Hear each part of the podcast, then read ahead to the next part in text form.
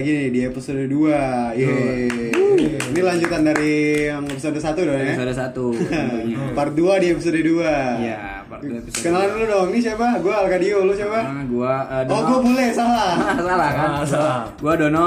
Dan ini ada narator kita Ombu. Ah, ini Ombu. pembaca apa namanya? Pembaca Na- narasi. narasi ya, narasi kita Ombu.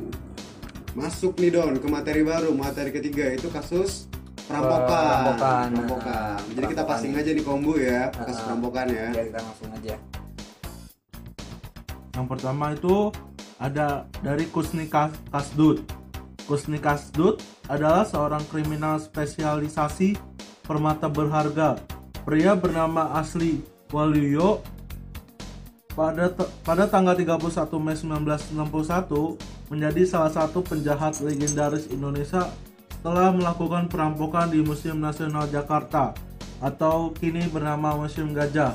Dengan menyamar sebagai polisi gadungan, Kusni Kasdut berhasil membawa 11 permata curian setelah sebelumnya melakukan melukai seorang penjaga museum. Setahun sebelumnya, Kusni Kasdut telah melakukan ke- kejahatan yang cukup membuat publik Jakarta geger. Dengan berbekal sebuah pistol dan ditemani anak buahnya, Kusni melakukan aksi perampokan terhadap seorang pedagang Arab kaya raya bernama Ali Badjenet. Ali Badjenet dirampok sore hari ketika baru saja keluar dari kediamannya di kawasan Awab Al Al-Hajiri, Kebon Siri. Dia meninggal saat itu juga akibat luka tembakan dari pistol Kusni Kasdut. Itu tadi udah dibaca nombu, kisah Hmm. Kusni Kasdut Keren juga dan ya kalau di kalau di kita ngomongnya ya cara eksekusinya kayak di film-film gitu Ah. jadi jadi polisi jadi polisi, terus merampok permata, di mata iya kayak kayak film-film ya kayak, Ah, kayak ah. bener, beneran kayak film-film banget Ah, ah. ini kejadiannya tahu tadi dia ini mengembar mengembara Mengembara. Eh, dia mengembara tahun 60 sampai 70 tadi ya kayaknya Ah, dia legendaris juga sih. Nah, tapi selain merampok dengan cara-cara nipu ya, Iya. tadi gue dengar yang dibacain sama Ombu itu dia ini juga loh, apa ada perbuatan sadis eh, yang di mana saat dia ngerampok eh, ngerampok Iya. eh, orang Arab kaya raya gitu Itu kan. yang tadi orang Ah, Arab- orang Arab itu ya. Siapa gitu kan namanya orang Arab itu Iya. ditembak, tembak Oh. mati sama dia. Serem juga Hmm, juga. Emang dia waktu itu nggak sendirian sih sama komplotannya kayaknya. Iya, Cuman sama geng-gengan doi. sama abang-abangannya Iya. gitu. Tapi tetap serem juga lah. Maksudnya ya cuman ya gimana ya masa ngerampok baik-baik sih Iya. kan nggak mungkin sih ya saya mau ngerampok Iya, gitu nah gitu Nah, yang ada kasus perampokan yang kedua itu dari Johnny Indo. Mungkin inilah sosok bos gangster sekaligus penjahat bodiman ala Robin Hood Indonesia. Johannes Herbetus E- Ejekenbom atau populer dengan sebutan Johnny Indo. Lahir di Garut 6 November 1948. Pada tahun 70-an, Johnny Indo bersama dengan 12 orang kelompoknya membentuk geng yang diberi nama Pachinko atau pasukan Cina Kota. Spes- spesialisasi Johnny Indo beserta kelompoknya adalah merampok toko emas milik orang asing yang kaya raya dan semuanya dilakukan pada siang hari. Aksi paling menggege- menggegerkan adalah saat dia bersama komplotannya merampok toko emas di Cikini, Jakarta Pusat pada tahun 1979.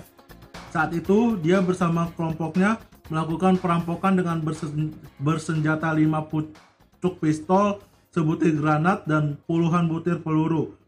Selama kurun waktu 10 tahun, dia beraksi mulai dari tahun 1970 sampai 1980. Johnny Indo berhasil mengumpulkan sekitar 129 kg emas dan membag- membagi-bagikannya ke masyarakat miskin. Hal inilah yang membuat dirinya mendapatkan julukan penjahat budiman atau Robin Hood.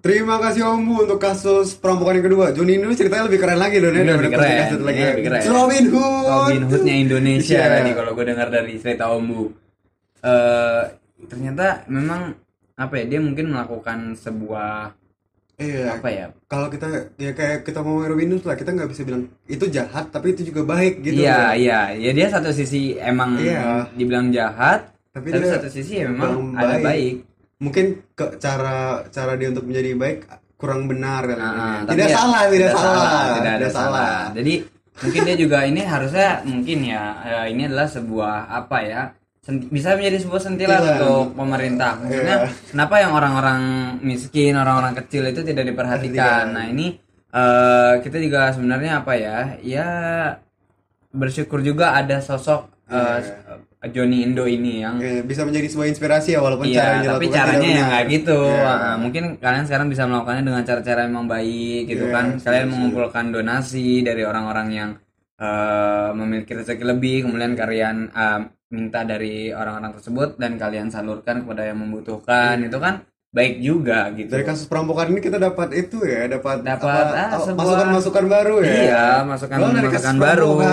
Uh, uh, kemudian kan emang dia uh, apa ya? Ya emang bersama dengan 12 orang sih dia tadi bikin apa? Geng, uh, geng, geng gitu ya. Apa pasukan Cina Kota, Kota Paciko. Paciko ya, keren Uh, keren juga nama uh, gengnya ya. Tapi gue penasaran juga Pak Bang Joni Indo ini Iya. Dia orang Cina atau gimana? Tapi buat geng kok namanya pasukan Cina Kota. Ini kayaknya kalau kita neliti lebih lanjut nih kayaknya lebih seru nih dong. Nah. Tapi kalau dari dari sepanjang tadi kisah-kisah kriminal yang kita baca ini kayaknya ini yang paling keren ya. Ini Setuju? paling keren sih. Setuju gak sih? banget Salaman gua. dulu. Salaman lah biar biar biar deal gitu. Iya langsung aja Bu ke kasus perampokan yang ketiga. Di kasus perampokan yang ketiga ini ada British Bank of the Middle East. Pencurian atau lebih tepatnya perampokan pada tahun 1970 dilakukan dilakukan di British Bank of the, the Middle East. Dalam perampokan ini, uang perhiasan dan juga emas senilai lebih dari US dollar 100 juta atau dirupa, dirupiahin 1,33 triliun atau US satunya 13.318 diambil. Pencurian tersebut dilakukan dengan melubangi dinding bank dengan bom. Namun tak lama kemudian kawanan perampok tersebut tertangkap. Sayangnya tak semua barang yang dicuri bisa kembali. Nah ngomong-ngomong tentang kasus yang terakhir tadi dibacain Om Bu, Middle East. Tahu nggak lu artinya Middle East apa? Timur Tengah. Oh iya benar. Ah, Timur Tengah, Middle East, Iya, nah, iya. gitu Ma- kan. mantan gue ada orang Arab, Orang. Arab. Jadi udah paham ya. Iya tadi paham. British Bank of Middle East ya. Iya. Ah. Lu pernah ke kalau menurut lu Dan gimana sih caranya orang ngebongkar bank nge- nge- ngerampok bank gitu karena bank itu bank itu tuh gimana ya? Menurut gue tuh Tertutup. tertutup banget. Jadi Ah, gue kayak kalau di film-film oke lah kadang-kadang kadang-kadang logis rasional gitu. Tapi kalau menurut lo eksekusinya di dunia nyata tuh gimana sih? Mungkin ya mungkin. Iya. menurut menurut gua nih pandangan aja ya. Iya. Eh, jika ada perampokan-perampokan bank gitu ya menurut gua mungkin ada orang yang dulu pernah kerja di sana Oh. atau dia punya kenalan orang sana yang paham akan posisinya tempatnya bang naruh duit di mana. Ah, iya, Jadi iya. kan nggak mungkin dia tadi eh, kalau gue dengar dari Om Bu cerita itu diledakan ya kan. Iya. Dindingnya ini di- dibuat diledakin lagi sama dia atau dia rusak. Nah, kalau nggak ada orang dalam dia tahu dari mana. Sementara bank itu tertutup. iya kalaupun kita misalnya diledakin gitu misalnya Ngasal-ngasal. diledakin ngasal-ngasal duitnya kebakar bisa aja ya Iya, kalau ngeledakin ngasal-ngasal satu duitnya kebakar, ntar malah jadi ada korban, bisa dia sendiri juga yang jadi korban. Korban, iya. Kan kita nggak tahu. Kalau menurut gua paling gitu. Dia memanfaatkan ya link, Link. orang dalam. dia pakai link LinkedIn Eh, iya, pakai pakai LinkedIn, LinkedIn dia. Gini di criminals kita masuk nih ke materi yang keempat don ya kasus-kasusnya tidak selesai sampai sekarang Nah, nah, maksudnya The Criminals, buat The Criminals nih eh, kasus-kasus yang tidak selesai ini mungkin kasus besar nih Iya. yang tidak bisa dipecahkan oleh kepolisian atau para penegak keadilan lainnya ya penegak keadilan lainnya mungkin tidak bisa menyelesaikan kasus, kasus-kasus ini. ini. Langsung aja kali kombu ya. Apa bu? Kasus yang tidak selesai yang pertama. Yang pertama ada Jack the Ripper. Jack the Ripper merupakan pembunuh berantai terkenal seantero London pada 19 Sep- lap- 1888. Di antara 7 Agustus hingga 18 hingga 10 November 1888, Jack the Ripper telah membunuh lima perempuan yang bekerja sebagai seks di distrik Whitechapel, London Timur. Metode pembunuhan yang dilakukan oleh Jack the Ripper cenderung sadis dengan pola yang sama untuk setiap korban, yakni mutilasi. Pola tersebut juga menandakan bahwa pelakunya merupakan individu yang sama. Pelaku diduga mengerti tentang cara pembedahan, namun karena teknologi dan ilmu pengetahuan yang terbatas dalam bidang, forensik di masa itu, membuat kasus tersebut sulit dipecahkan. Alhasil, hingga kini in- identitas pelaku dan motifnya masih misteri. Jack the Ripper tadi Don yang dibaca Nomu. Jack the Ripper ini kayak bukan nama aslinya. Ini kayak nama julukan yang dikasih Iya. penduduk Hmm, setempat. masyarakat bisa Dikasih dikasih dikasih akamsi situ. Hmm, dikasih julukan dia. Eh, Jack the Ah. Ripper. Jack the Ripper ini kasusnya dia membunuh berantai tapi tidak pernah terkuak gitu. Iya, kayak kayak yang tadi kita pernah eh kita tadi bahas di awal dikit karena keterbatasan gitu kan tadi Nah. oh yang mau bilang kan karena keterbatasan forensik itu Iya, secanggih zaman sekarang kan. Betul. Iya. Kayak zaman dulu ya mungkin belum ada scan pembaca sidik jari Iya. kayak gitu kan. Paling sekarang- detektif-detektif doang ya. Iya. Sherlock Holmes. Sherlock Holmes gitu kan zaman Conan. Nah, Conan. susah juga nyarinya. Kalau sekarang itu emang eh, inilah maksudnya yang mungkin Iya. apa ya dibedakan gitu dengan eh, kriminal di tahun itu dan kriminal di tahun ini gitu. Iya. Tapi di belakangan di tahun ini di tahun-tahun apa istilahnya ya yang udah melek teknologi ini ada juga kasus yang sebenarnya belum terkuak sampai saat ini. Iya. Kasusnya novel siapa? Novel Baswedan. Baswedan, iya. Nah, lama loh itu. Padahal kan ada Kayak teknologi. Rekaman CCTV. Ah, ah. Tapi entahlah, semoga cepat selesai lah kasusnya Pak Novel Baswedan. Amin. Kayak gitu. Iya iya. Kalau menurut lo Dan, Jack the Ripper ini, ini ke- cerita ini punya kemungkinan nggak menurut lo kalau ini cuma dongeng doang atau cerita rakyat doang nih? Ah, kalau Menurut, menurut lo enggak enggak gue ganti pertanyaan ini ceri- menurut lo cerita bener atau enggak? Karena kok kalau ngirainin kayak apa ya? Kayak dongeng doang gitu loh. enggak sih ini cerita bener sih Kalau menurut menurut cerita gua. bener, ya. Tapi nggak tahu juga ya maksudnya di di tadi yang dibacakan sama eh, siapa namanya sama Om Bu nih eh, men- ada menyangkut polisi nggak sih maksudnya polisi udah ada bukti gitu dari polisi tapi kayaknya gua ini kasus bener deh Iya. emang nggak terselesaikan gitu Kalau kalau menurut ya gue juga sering sih kayak dengar-dengar gitu kayak Jack the Ripper, Jack the Ripper kalau baca cerita horor. Nah, Iya. yang terakhir ada Charlie Chop Off. Seorang pembunuh berantai mendapat julukan Charlie Cop Off karena caranya yang teramat brutal dalam menghabisi korbannya. Pembunuh tersebut memiliki kebiasaan untuk menusuk anak laki-laki Afrika Amerika secara beru- berulang-ulang kemudian berujung pada mutilasi genital. Korbannya adalah seorang anak laki-laki berusia 8 tahun bernama Douglas Owen. Owen ditemukan pada tanggal 9 Maret 1979 di sebuah atap gedung Manhattan. Owen ditusuk sebanyak 38 kali dan alat kelaminan dimuti- dimutilasi. Lebih dari dua anak laki-laki dibunuh dengan cara yang sama. Beberapa tersangka telah ditangkap, namun kemudian dilepaskan karena tak ada bukti yang kuat. Hingga kini tak ada yang tahu siapa yang tega membunuh seseorang dengan cara yang kejam yang kejam seperti itu.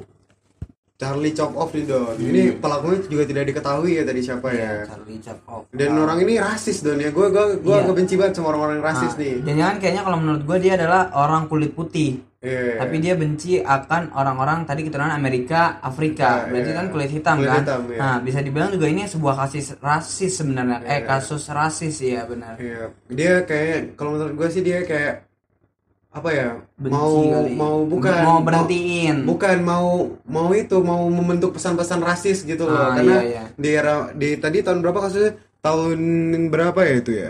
Tadi ini bisa nombor tahun 79 itu kayaknya rasis rasis itu udah nggak udah udah mulai hilang Udah dong. mulai ya, tapi Karena- dia Iya, ta- kayaknya dia mau bangkitin itu lagi karena Ah. tahun 80-an itu rasisme itu udah hilang. Oke. Karena rasisme cuma tahan di sampai akhir tahun 70-an. Oke. Mungkin Ah. dia mungkin dia nggak terima ya kalau kasus rasisme selesai. Iya, ah. Makanya dia ngebunuh kayak anak laki-laki laki yang yang notabene anak laki-laki merupakan masa depan ya. Iya anak betul anak betul laki-laki betul. itu masa Ah, depan. betul. Tapi ya emang kita tidak bisa berasumsi seperti itu juga sih. Mungkin eh, dia ada sakit hati kepada Iya. orang-orang keturunan eh, Afrika Amerika Afrika ya. Amerika.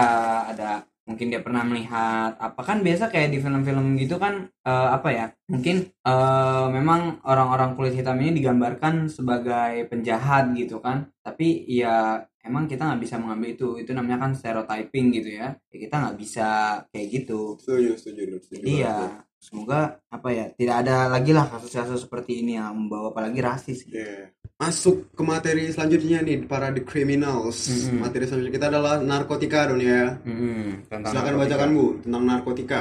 Narkotika ini ada Pablo Escobar, adalah seorang gembong narkoba dan pengedar narkoba Kolombia.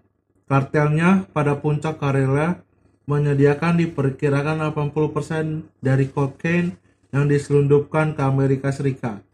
Memberikan pendapatan pribadi U- US dollar 21,9 miliar setahun. Sering disebut raja kokain. Dia adalah kriminal te- terkaya dalam sejarah dengan kekayaan bersih yang diketahui diperkirakan US dollar 30 miliar pada awal 1990-an mem- membuatnya salah satu orang terkaya di dunia pada masa jayanya. Pablo Escobar don salah satu banyak idola dari anak muda sekarang don ya Ah, Iya. gembong. Gembong ya karena kan besar mainnya Ah. kalau kalau mau main kan kalau bercanda-bercandaan gitu kan oh pengen jadi kartel nih. Kayak siapa Ah. ya Pablo Escobar? Bukan ini lagi ya BD bukan BD dia. Bukan BD Bandar? iya. Bukan BD Bukan lagi dia? BD dia. Udah- dia udah raja raja raja, ya. rajanya. Dia dia rajanya para BD udah. Nah, up up gan gitu gan kalau Iya. manggil dia gan ya. Gan ada barang nggak? Oh, gitu. mang- manggilnya udah nggak gan lagi apa dong. manggilnya tuan oh kali tuan ya. iya kan dia mafia ya. Masa Iya. panggilnya gan? Iya, Gan senor senor gitu ya. Senor. Gan ada barang masa gitu? Senor gitu. Mungkin dia main kaskus. Nah, ya, rasanya tidak lengkap dan kalau kita ngomongin kriminal dan narkotika, Hmm. kalau kita, kalau kita nggak ngomongin Pablo Escobar ya. iya. Terbukti dengan banyak banyak film yang dibuat dari kisah hidupnya dia. iya banyak Iya, banyak. dan TV series dan gitu dan gitu-gitu. Mm-mm, Dia- ya Dan dia juga punya banyak gitu loh apa warisan yang ditinggalkan. Iya. Kayak di dekat rumahnya dia dulu tuh kalau nggak salah dia punya apa? kebun punya kebun binatang ke, enggak punya kebun Oh, binatang sendiri kebun binatang binatang. sendiri isinya kudanil gokil ya tuh kira isinya ganja dia Iya. berkebun ganja enggak lah dia, dia kan berkebun kokain oh kokain Tidak Oh, ganja. iya, tidak ganja tidak ganja dia Ah.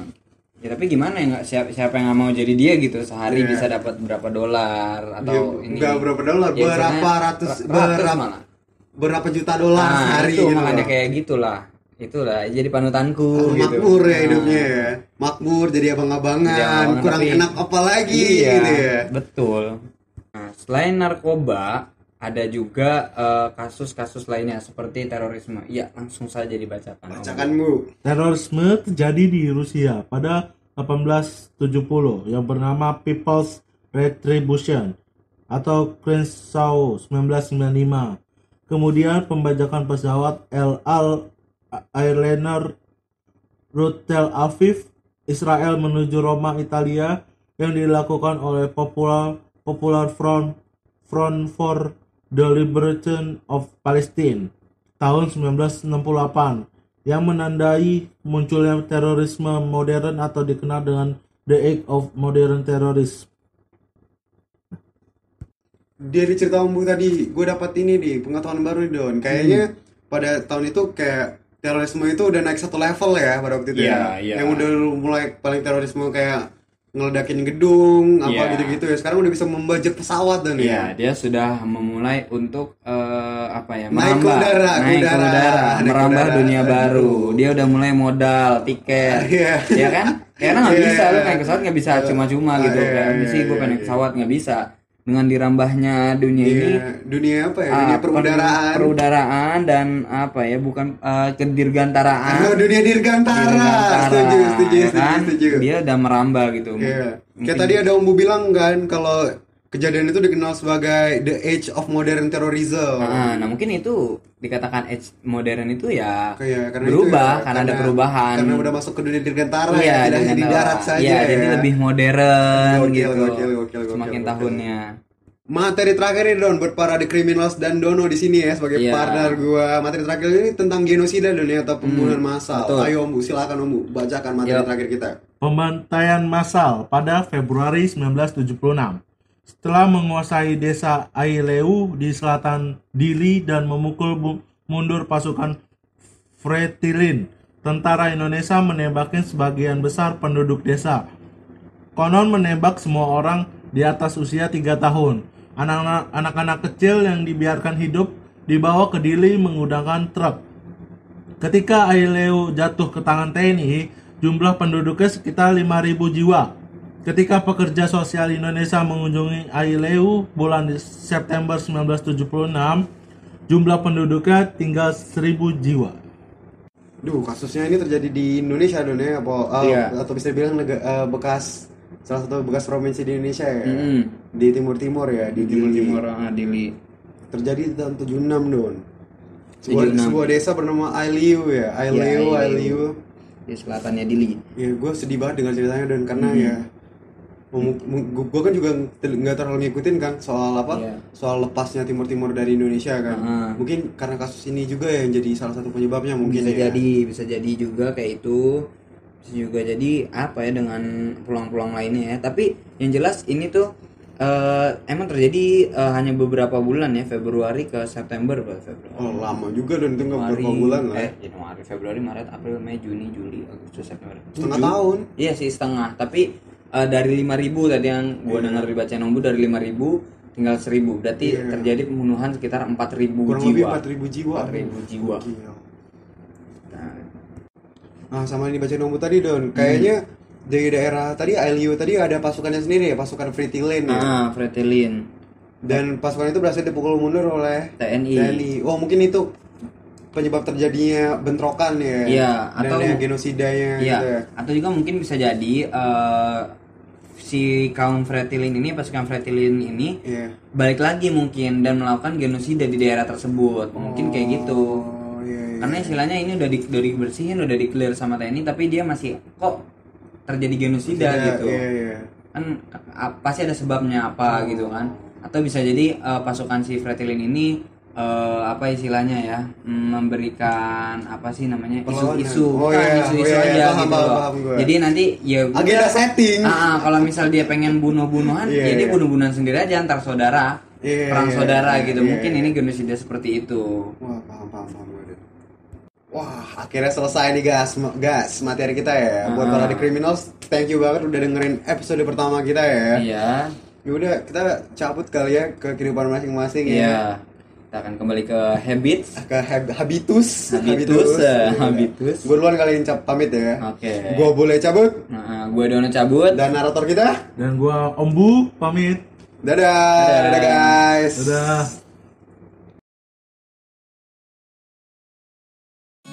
I just wanna see